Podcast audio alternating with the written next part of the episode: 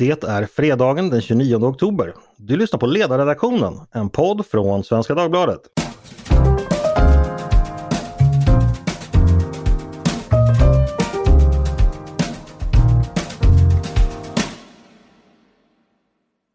Ännu en fredag i skymningslandet. Mitt namn är Andreas Eriksson och det är dags för Svenska Dagbladets ledarredaktion att sammanfatta den politiska veckan. Cementkris, coronakommission, gangsterrap, handelskrig inom högern, barnfattigdom hör till dagens ämnen.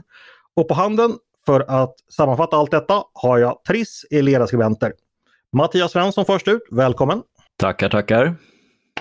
Du, förra veckan konfronterade jag Peter med en strof från Ted Ströms stora epos Vintersaga som handlar om hans Gotland, nämligen att det förekom flämtande ljus i Visby hamn. Jag tänkte göra samma sak med dig, men insåg att denna stora svenska låt inte innehåller ett enda ord om Blekinge. Vad beror det på? Ja, det är ju lite av en tarm i... Eh, ja, men har, har ni i... inget vemod nere i Blekinge? Eller? Nej, vi är ju bara tröga. Eller är det så jävla vemodigt så att det inte ens är värt att nämna ytterligare? Nej. Nej jag konstaterar bara hur läget är. Eh, med mig också. Garant är ju lite av Karlskronas slogan så det, ja, ja. är det vemodigt nog. Ja, det, det är det verkligen. Du, eh, Mia Ludvigsson är med oss också, ledarskribent. Välkommen hit! Tack för det! Du är från Sörmland. Här ja. fanns en referens i Vintersaga, nämligen en överdos på Skärholmens station. Är det karaktäristiskt för den sörmländska vintern skulle du säga? Skärholmen, ja det ligger ju faktiskt i Sörmland. Alltså mm. vi som är från Sörmland skulle aldrig någonsin säga att Skärholmen i Stockholm har med Sörmland att göra. Sörmland är Sörmland. Det är ett eget landskap. Det är liksom, när stockholmarna kom till Sörmland så tyckte vi bara att de betedde sig. Okej, okay, så mer violen från Flen och mindre Skärholmens station kan man sammanfatta Ja, det är frågan om vad som är värst. Flen är inte heller så kul. Eh, vi, vi, vi, fokuserar på näckrosen som är vårt landskapsblomma som finns i boven.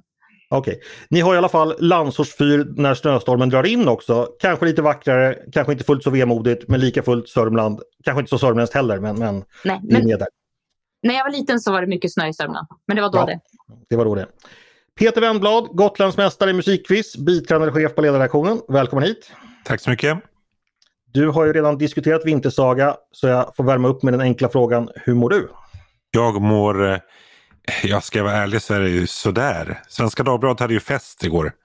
Så att det är, eh, så är lite trögt i intellektet idag. Men det var trevligt? Det var mycket trevligt, måste jag säga. Det var verkligen trevligt. Jag hade så himla trevliga kollegor med mig. Det var Mattias, Peter, och Andreas och Tove. Mm. Det var jättetrevligt och jag sa innan så här att, för Tove frågade mig om, om alla skulle dansa, då sa jag så här, Peter kommer stå i baren och eh, skaka på huvudet åt alla låtar som spelas. Var det sant då Peter?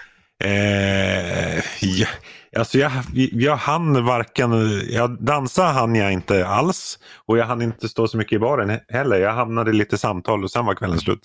Ja, så, så, så det lätt blir på, på jobbfester att man prata vidare helt enkelt. Hörni, vi har fullt schema idag som ni hörde eh, så jag tänkte vi sätter igång. Eh, en av dagens stora begivenheter kom vid lunchtid idag, nämligen Coronakommissionens andra rapport om den svenska pandemihanteringen. Peter, du slackade mig strax efter att du hört det och jag citerar. Jävlar i min lilla låda, det var ord och inga visor. Jag tar lead. Så varsågod! eh, ja, men man får väl säga att det var det var en kölhalning under samhällsskutan. Ehm, det, så när statliga utredningar kommer med sina betänkanden så, så är det ju mycket det brukar behövas ganska mycket dechiffrering för att liksom läsa av hur upprörda utredarna är. Men i det, i det här fallet var det ju väldigt lättläst. Det, var... det brukar vara så här, det är uppseendeväckande att, vilket betyder det är helt skandalöst. Så, men ja, eller uppse uppseendeväckande skandalöst och eh, eh, var exceptionellt uppseendeväckande, då är det liksom samhällskollaps. Ja. Och den här gången, vad, vad använder man för termer? Eh, ja, men det var sånt som haveri och undermåligt och ja, men alltså Mats Melin som är, är, utredningens ordförande har ju en, en fantastisk förmåga att, att formulera sig väldigt koncist. Eh, och han använder formuleringen att de få beslut som fattades kom för sent. Mm. Det var väl ungefär. Eh, och sen så utvecklades det här på 400 sidor. Och vem är det som har gjort mest fel? Är det alla eller är det några specifika? Ja, där är ju inte kommissionen riktigt ännu. Det ska ju komma ett slutbetänkande också under nästa år. Så att det var ju faktiskt eh, kommissionen noga med idag att ansvarsfördelningsfrågan, det blir eh, vad säger, det sista, grand final, lagom till valrörelsen. Eh, Mia, Coronakommissionens kritik är hård låter det som. Är du förvånad? Nej, och jag var lite orolig att det inte skulle vara hårt nog, men det var det faktiskt. Jag tänkte det kan ju bli så att man bara slätar över allting, men det var, jag, jag reagerade precis som Peter. Inte med svärord dock, men eh, när jag hörde det så tänkte jag oj, det här, var, det här var mer än jag kunde tro att det skulle vara. Väldigt tydligt kritiskt. Sen är det ju alltid så att de måste, det är mycket som de måste lämna till att säga vi återkommer till detta, vi har inte dragit några slutsatser än. Men, men initialt så är det väldigt tydligt. De fick också jag hörde också den här biten när de diskuterar eh, Sveriges kommuner och regioner, SKR, och vilken problematisk roll de har haft. Det är en arbetsgivarorganisation som har fått som uppdrag nästan att vara som en myndighet som ska säga vad som är rätt och fel. Och det tycker jag var bra att de tog upp särskilt. Mm. Eh, Peter, jag minns en annan eh, katastrofkommission, nämligen som kom i sin rapport i slutet av 2005. Den gången var det eh, hovrättspresident, var väl Hirschfeldt, som kritiserade regeringens tsunamihantering. Mm. Det blev en följetong hela det påföljande valåret 2006 och det diskuterades vem som inte hade ringt vem och det var en plåga för den regeringen Persson då. Kommer det här bli något liknande för dagens regering tror du? Nej, jag tror faktiskt inte det. Jag tror att eh, Sveriges befolkning, de flesta av oss är liksom mentalt ute ur pandemin. Eh, och det gör att vi också Ja, det finns inte så mycket liksom, energi för um, ansvarsutkrävande. Eh, så att, eh, jag, så jag tror att vi kommer se, få se mycket politisk diskussion om det här. Vi kommer att se mycket diskussioner i de politiska församlingarna, kanske inte lika mycket vid köksborden. Mm. Mattias, eh, har du, eh, jag vet inte om du har hunnit eh, titta eller tänka någonting på kommissionens eh, betänkande. Har du någon kommentar? Nej, jag har, jag har eh, suttit och ägnat dagen åt ett helt annat ämne som läsarna kommer att få stifta bekantskap med imorgon, nämligen eh, planekonomi. Mm -hmm. Och sen stängde du ju dansgolvet på festen igår också ska säga. Så att, eh, var... ja, jag höll ut till det inte alls bittra slutet.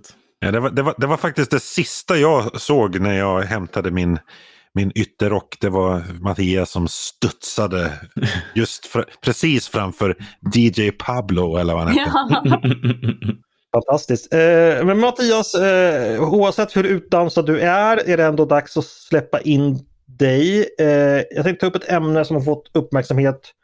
Det började på Twitter, det har hängt med in på, på ledarsidor och krönikeplats. Eh, vi har fått ett handelskrig på halsen.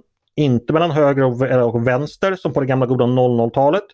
Utan mellan höger och höger. Eh, Ivar Arpi har twittrat, Patrik Kronqvist på Expressen har skrivit, Johan Norberg har också skrivit och du har förstås kommenterat. Kan du berätta lite för lyssnarna vad det är som diskuteras och varför? Ja, det är ju helt enkelt en, en fråga som kommer att hänga över oss eh, under överskådlig tid. Alltså Kinas allt mer auktoritära utveckling. Det är klart att, att Kina är, har alltid liksom i modern tid varit en kommunistisk diktatur.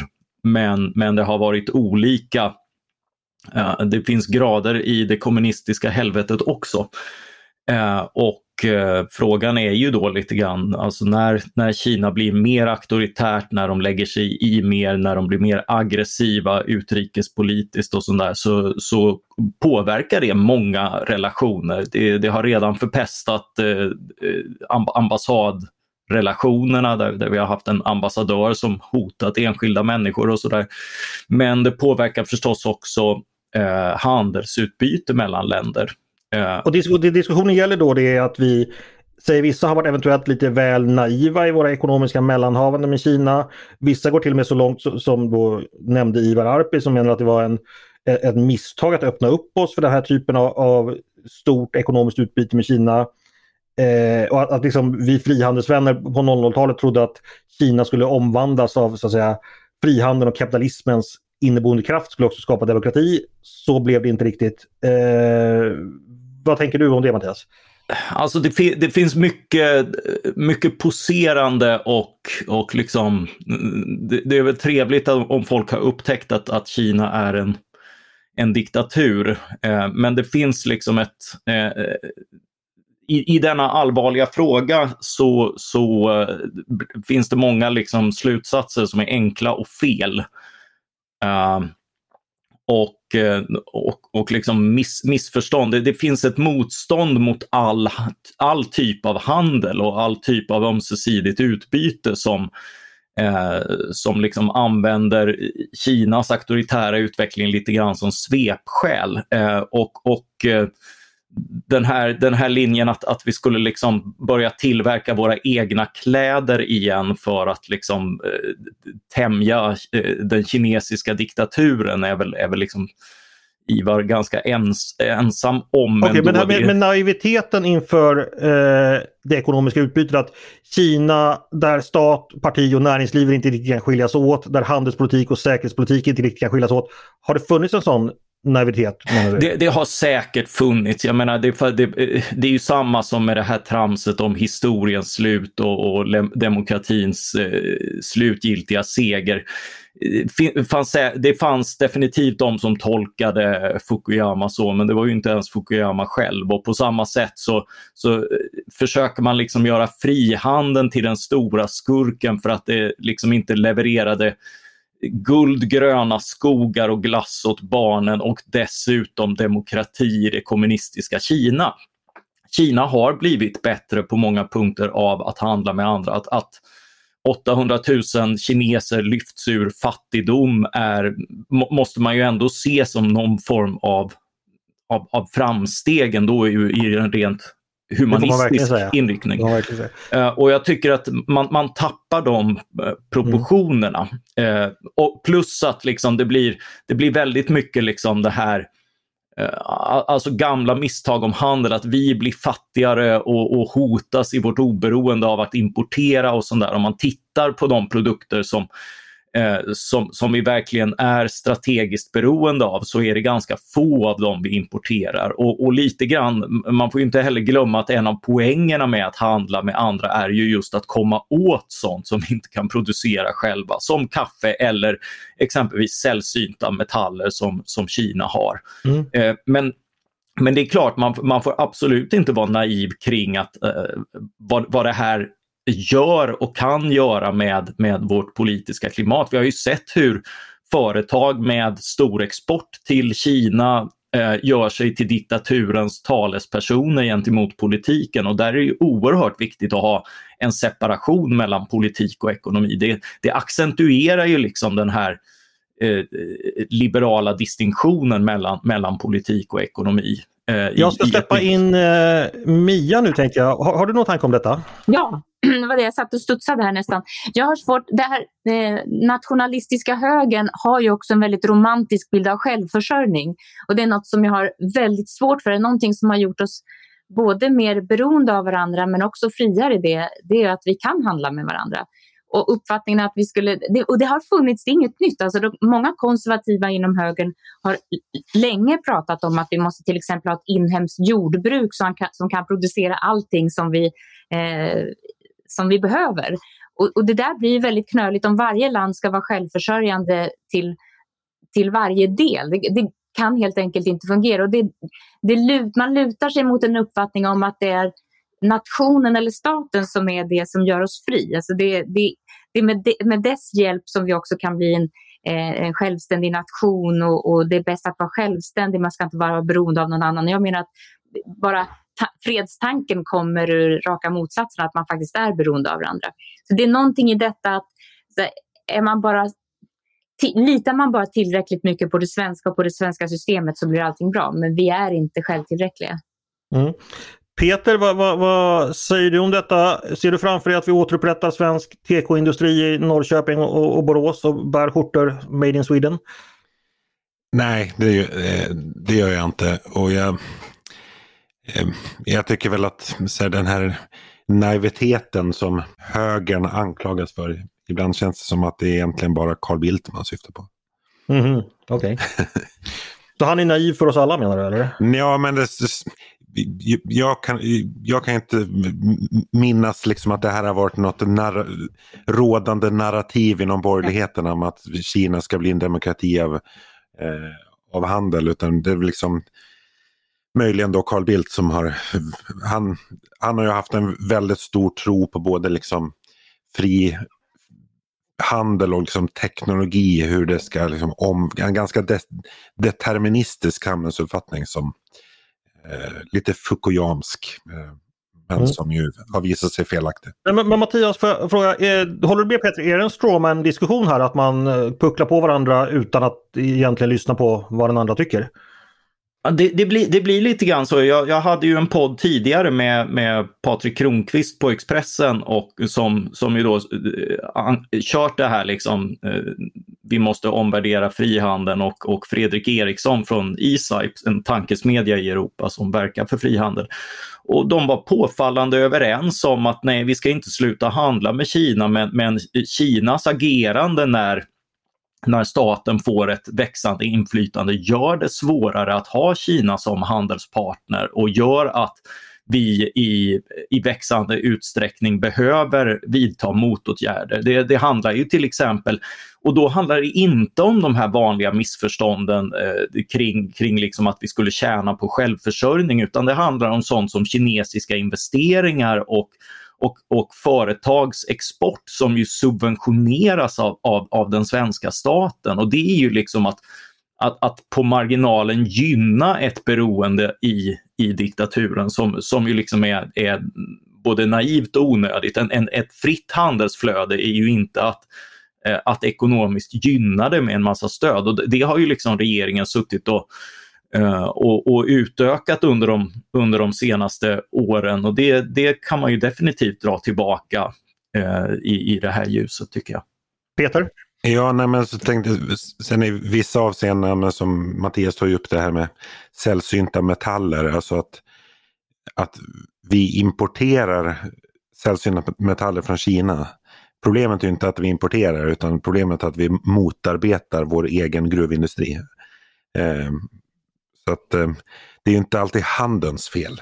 Exakt, det här, det, jag tror inte, kanske om man ska försvara Carl Bildt en smula, jag har hört honom tala om Kina i andra sammanhang också. Det, jag tror inte, man tror ju inte att frihandel eller att mer handel ska göra dem vips till en demokrati, men att stänga handeln gör det ju heller inte bättre. Så det är inte, eh, handel har ju ett värde i sig eh, och hur de ser ut som Eh, att de är en diktatur, det är som ett annat problem som finns kvar ändå. Där jag hörde Carl Bildt säga vid ett tillfälle där man undrar varför blir det då inte demokratisering nu när vi har öppnat och vi närmar oss dem? Så sa han, därför att människor där är fortfarande rädda. Det är en repressiv stat som, som eh, har ihjäl eller låser in dem som tycker fel. Omskolningsläger. Mm. Alltså att, att, att, att vi har ambitionen och förhoppningen och verkar för demokratisering i Kina är ju självklart. Det är ju, kineser är ju människor de också och, och förtjänar att leva under frihet och eh, demokrati och få sina rättigheter respekterade. Det, den, den ambitionen är ju självklar och att Eh, att, att verka för den är ju, är, är ju liksom också viktigt. Men, men, men, men, eftersom, eftersom Mattias nu sa att Patrik Kronqvist på Expressen och Fredrik egentligen var ganska överens så kanske vi också sitter här och har en strawman-diskussion. Ja, jo, jo nu, nu, nu är ni överens, vi får ta nästa ämne tror jag nästan. Eh, det var ingen mening att slösa tid på det här. Eh, jag tänkte faktiskt gå vidare till Mia. Eh, du har ju varit ute i, i den så kallade samhällsdebatten också i veckan. Skrivit om barnfattigdom och en gammal diskussion som jag tror både lyssnare och läsare känner igen som handlar om hur man egentligen mäter fattigdom. Eh, berätta! Ja, det är det gamla vanliga. Det brukar komma på hösten och det är Rädda Barnen som då ger ut en rapport som påvisar eh, fattigdom i barnfamiljer. Och det man mäter, då får man fram att det ofta blir värre och värre. Och det man mäter då, det är den relativa fattigdomen. Och det där är ganska tricky för att det, det låter som någonting annat än vad det är. Om, någon, någon, om en grupp blir relativt fattigare, då kan det bero på att några andra har blivit rikare, men man själv har fortfarande samma inkomst eller samma köpkraft eller eh, samma, li, samma välstånd som tidigare. Och det, här är, det här är ju ett vänsterperspektiv. Jag kommer ihåg att jag hörde eh, det var en socialdemokratisk minister som i direktsändning pratade om det här med det relativa fattigdomsbegreppet och fick då frågan Menar du alltså att det är ett problem om några blir rikare medan de andra står kvar på samma nivå men inte blir fattigare? Ja, därför att många i vänster tycker att det är skillnaden i sig som är ett problem. Mm. Och därför menar jag att dels är det ett felaktigt sätt att mäta välstånd och fattigdom på. Man missar att hjälpa dem att fokusera på de som faktiskt har det svårt. Men det är också att acceptera vänsterns beskrivning av vad rikedom är och vad välstånd är och vad, vad, vad rättvisa är. Att alla ska ha helst lika dåligt. Men framförallt så får det inte vara någon, finnas någon skillnad.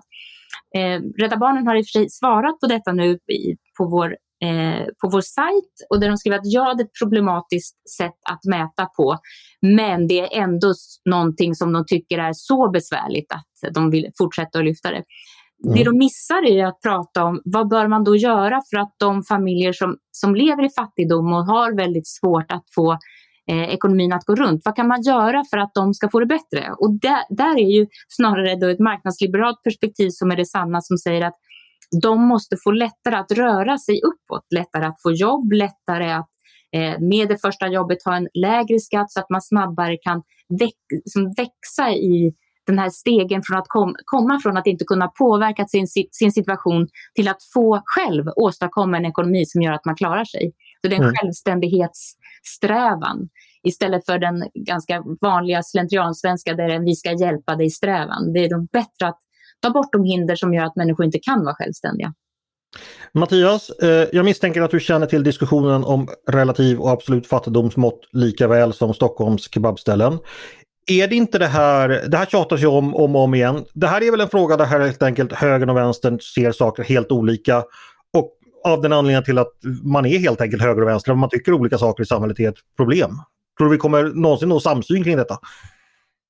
Ja, jag, ty jag, tycker ändå att man har kommit en bit på vägen i att eh, erkänna att, att båda, båda perspektiven har sin funktion. Eh, så länge man, man är medveten om, om vad som mäts. Det, det, det handlar inte bara om om liksom överlevnad för dagen utan, utan du ingår i ett samhälle och eh, Eh, och och liksom det, det, är klart att det finns väldigt, eh, det, det, det suger på väldigt många sätt att, att liksom relativt andra och inte minst liksom barn i grupp och sådär eh, ha, ha mindre resurser. Eh, så det är klart att eh, alla medger att det är ett problem. Sen om, om det är ett stort eller litet problem, eh, det, det, det kan man tvista om. Men det är också ett sätt att beskriva vad högern pratar om i termer av att människor är utanför arbetsmarknaden och inte kommer in. Vi har stora grupper som, som saknar liksom det här första trappsteget på, eh, på arbetsmarknaden. Det många, många av dem har, är relativt nyanlända och, och saknar både utbildning och språkfärdigheter för att, för att riktigt komma in på arbetsmarknaden det gräsliga i, i, den, i fattigdom eller att inte klara sig själv, det är känslan av att man inte kan påverka sin situation. Och om man då inte just har ingång till arbetsmarknaden eller vad det nu är, alltså att ens börja röra på sig, det är det som är det stora problemet. Det är där politiken borde arbeta. Ja, och lösningen är ju inte att, att vi gör eh, le levandet på offentliga stöd så eh, så, så bra att, eh, att, att, det liksom, eh, att, att man lever kvar där utan, utan man, man, den här gruppen behöver ju i stor utsträckning komma, komma vidare och komma in på arbetsmarknaden. Så är det verkligen. Eh, hörni, den debatten vi hade just nu den lär fortsätta. Eh, det ska vi också göra. Vi ska fortsätta till Peter. Eh, Peter, när jag säger pulsatilla patens, vad säger du då? Eh, nipsippa, säger då. Du kunde det, fantastiskt! Ja. Vilken, vilken latinare du är! eh, om denna nipsippa, denna vackra blomma, eh, har du skrivit och det finns förstås en seriös anledning till det. Det har att göra med den följetong du, du driver på, på ledarsidan om eh, Cementas kalkbrytning på Gotland. Berätta om det senaste. Jo, men det är ju så att Länsstyrelsen på Gotland vill kraftigt utöka ett naturreservat som ligger ganska nära eh, det här File Hajdar där Cementa bryter huvuddelen av sin sten. Det var ju när Cementa i somras inte fick tillstånd för att utöka brytningen i Filehajdar som det blev akut kris. Och nu försöker liksom Länsstyrelsen på Gotland omringa det här området som, där Cementa bryter. Och både på kort och lång sikt så innebär det att det blir liksom svårare för Cementa att, att fortsätta. Och det handlar ju då om att ett avgörande motiv för detta är att Länsstyrelsen vill skydda nipsippan som är en så kallad rödlistad art. Bara så vi gör det klart för lyssnarna. Det här med att man får naturreservat in på knuten. Eh, rent formellt så innebär det att det blir väldigt, väldigt mycket svårare att göra ändringar i den typen av verksamhet som Cementa bedriver. Intressant? Ja, det, det, här är en, det här är en ganska komplicerad historia. Det, det, egentligen är det värre med Natura 2000. Det finns ju något som heter så också. Mm. Eh, men ja, det försvårar. Eh, så mycket kan man säga. Mm. Och man, du, du, har ju också skrivit om att Länsstyrelsen på Gotland menar du eh, att det finns, eh, om jag tolkar din text rätt, att det finns en viss aktivistisk eh, ambition eller i alla fall från, från enskilda tjänstemän där? Ja, alltså det finns ju en, för mig som då är boende på Gotland, det här var ju kanske liksom en, något nytt på nationell nivå men på Gotland har det ju länge funnits en kritik mot Länsstyrelsen för att man har ja, varit aktivistiskt, liksom man uppfattas som aktivistiskt, att det har funnits politiskt engagerade tjänstemän. Och så här, statliga tjänstemän är inte förbjudna att vara politiskt aktiva men så att grundproblemet är kanske att det finns en väldigt naiv naivt förhållningssätt till jäv där man eh, nästan aldrig betraktas som eh, jävig utan ändå tjänstemän med både säga, som har varit politiskt förtroendevald under lång tid, som förvisso inte är det längre men som är fortfarande liksom politiskt aktiv på, på andra sätt, sätts att handlägga ett sånt här ärende som, som påverkar stenbrytningen som hon tidigare liksom har gett uttryck för. Eh, hon är öppet emot det. Liksom. Mm. Så det, det, är inte så svårt att lägga det ärendet på någon annan. Mm.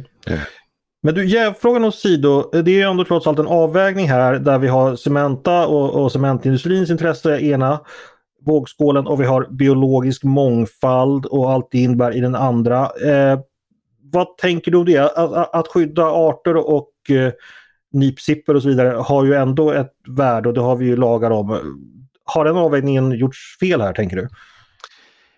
Alltså, det vet jag egentligen inte riktigt. Men problemet med miljölagstiftningen som den funkar nu är att det, det finns ingen riktig sån avvägning och det avspeglas i, i Länsstyrelsens resonemang. Det finns inte ett ord om, om eh, cementindustrin där och stenbrytningen utan miljölagstiftningen är liksom bara utformad för att titta på liksom ett lokalt miljöperspektiv och säga vad har verksamheter för lokal miljöpåverkan. Medan mm. andra liksom samhälls intressen, det kan även vara större miljönytta eller liksom klimatnytta, hamnar utanför. Liksom. Så man kan säga att nipsippan slog Cementa på walkover här lite? Ja, så är det. Men vi kan också säga då att nipsippan då, eh, poängen med den är ju att det är möjligt att den är då, eh, vad var termen, var det biogeografiskt? Ja men precis, den, det, det här naturreservatet ska ju ge, eh, främja en god bevarandestatus på biogeografisk nivå. Det är ett mm. väldigt komplicerat sätt att säga i Sverige. Precis, för eh. nipsippan är ingalunda en hotad liten vacker blomma. Nej, den är, i Sverige finns den bara i, på Gotland eh, och i delar av Ångermanland. Men tittar man liksom i ett europeiskt och ett globalt perspektiv så, så har du goda förutsättningar att kunna plocka en riklig bukett. Mattias, eh, du har ju en riklig bukett med, med åsikter om eh, miljö och så. Vad tänker du när du hör det Peter berättar om? Eh, Sipp nipper tippa hittar nippsippa. Eh, och det är ju, eh, men men det är klart, alltså, eh, det, jag håller ju med Peter om att det, det, är liksom, det blev för ensidigt med de här miljöprövningarna och det märker vi ju inte minst i, eh, i att det står i vägen för andra också miljö och klimatambitioner. Eh, men, men det spelar också in i, i, i möjligheten att för vad vi vill göra om, om vi är beroende av, av liksom en, en leverantör av sällsynta metaller till exempel, så vill vi dels hindra att, att det sker på ett eh, sätt som är skadligt för, för miljö eller, eller sker genom att exploatera människor eh, på, på ett orättfärdigt sätt, vilket diktaturer och, och liksom eh, även länder som Kongo gör. Eh, och och Eh, då, då behöver man ju liksom ett, ett regelverk som, som tillåter och, och möjliggör sådana verksamheter också, också i ett land som Sverige som är rikt på, på, på ett flertal resurser. Ja, men en, och en liten absurd paradox i det här, det är ju att eh, mycket av forskningen som finns kring den här nipsippan och hur den bäst, eh, hur man bäst bevarar den och hur den kan eh, föröka sig. Den forskningen har ju Cementa bedrivit och finansierat. Därför att de har ju egna program för, för hur man, alltså de är ju medvetna om att deras verksamhet påverkar nipsippans livsbetingelser. Alltså, men det går ju att skapa, så då har man ju sådana här kompensatoriska åtgärder, man kan skapa livsbetingelser. Och den kunskapen har nu liksom använder Länsstyrelsen för att göra det svårare för eh, Cementa. Det är ju en väldigt vacker blomma, vilket eh, den, den som ser, det, det, är värt att klicka på Peters text bara, bara för att se den. Alltså, det, så det är ju eh, det är ju bra om, om, om de här intressena kan, kan förenas. Det, det, det, fin, det finns ju faktiskt den formuleringen i Länsstyrelsens förslag om att, att nipsippan kan förgylla en vårutflykt. Mm. Mm. ja, men det är ett värde. Ja, ja, ja det är absolut ett värde och, eh, och, och liksom det, det blir bara förfelat när det blir det enda värdet och, och, eh, och man inte kan ställa dem mot varandra. Vårutflykter, våren är ju långt borta. Än så länge är det mörkaste höst i Sverige och det innebär ju att det snart är halloween faktiskt. Eh, och jag tänkte vi skulle summera dagens eh, avsnitt med att prata just halloween. Ni kanske är för, för vuxna för att eh, gå ut och knacka dörr men jag har ju en sån här fråga som jag ställer till panelen varje vecka då man får svara något eh, roligt och fyndigt eh, som säger någonting om en själv.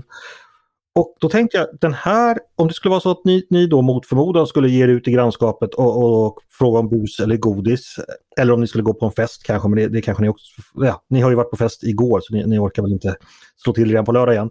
Men vad skulle ni klä ut er till då halloweenmässigt? Det är då det som är veckans fråga.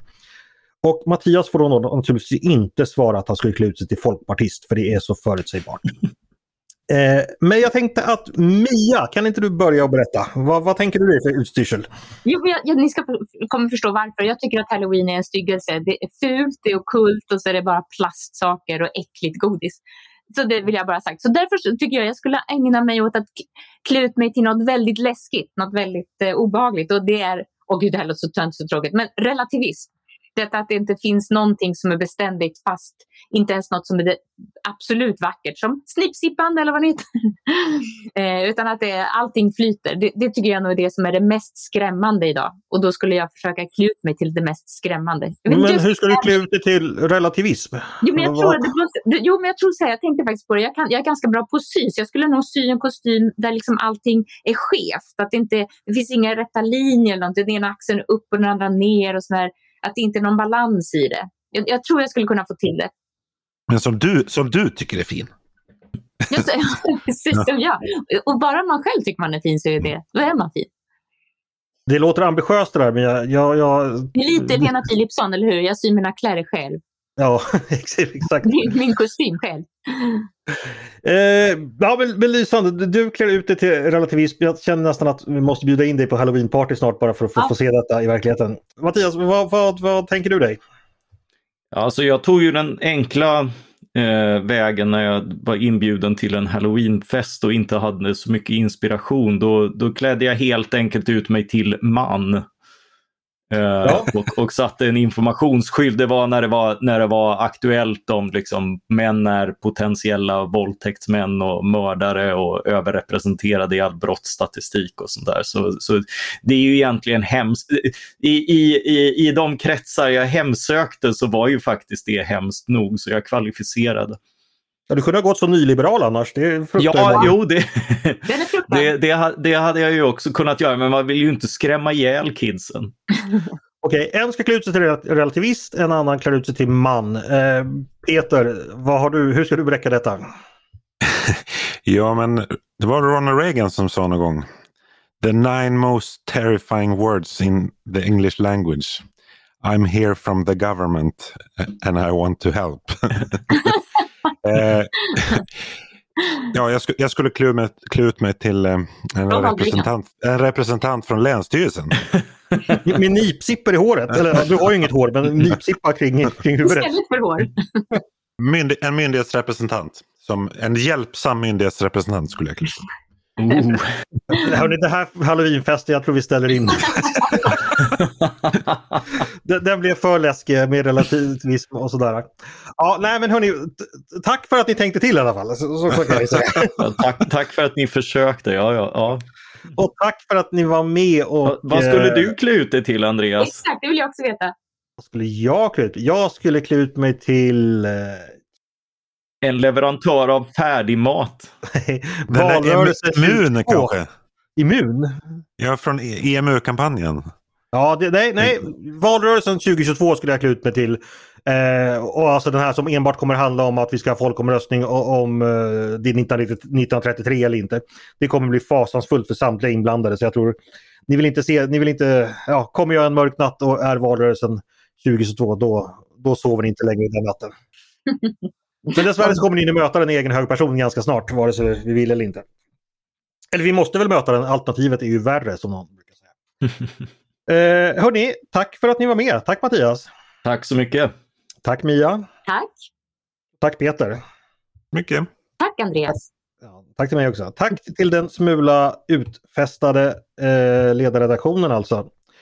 För en podd eh, där de- vi pratade om veckans begivenheter. Eh, podden den heter Ledarredaktionen och den kommer från Svenska Dagbladet. Hör jättegärna av er till redaktionen med tankar och synpunkter på det vi har precis diskuterat. Eller om ni har idéer och förslag på saker vi ska ta upp i framtiden. Vi behöver alltid nytt blod i det omloppet när det gäller eh, saker som intresserar er. Då mejlar man till ledarsidan snabel svd.se. Dagens producent, han heter Jesper Sandström. Nu inser jag att jag skulle ha gjort som Simpsons brukar göra när de avslutar sina halloween-avsnitt. Jag skulle satt ett så här skrämmande namn mellan Jesper eh, ja, Blodsugare. ja, blodstugaren Sandström. Skatteintendenten. Mattias lilla lustighet här syftar förstås på att mitt namn är en variant av Kaspar som betyder just skattmästare. Glad halloween på er hörni.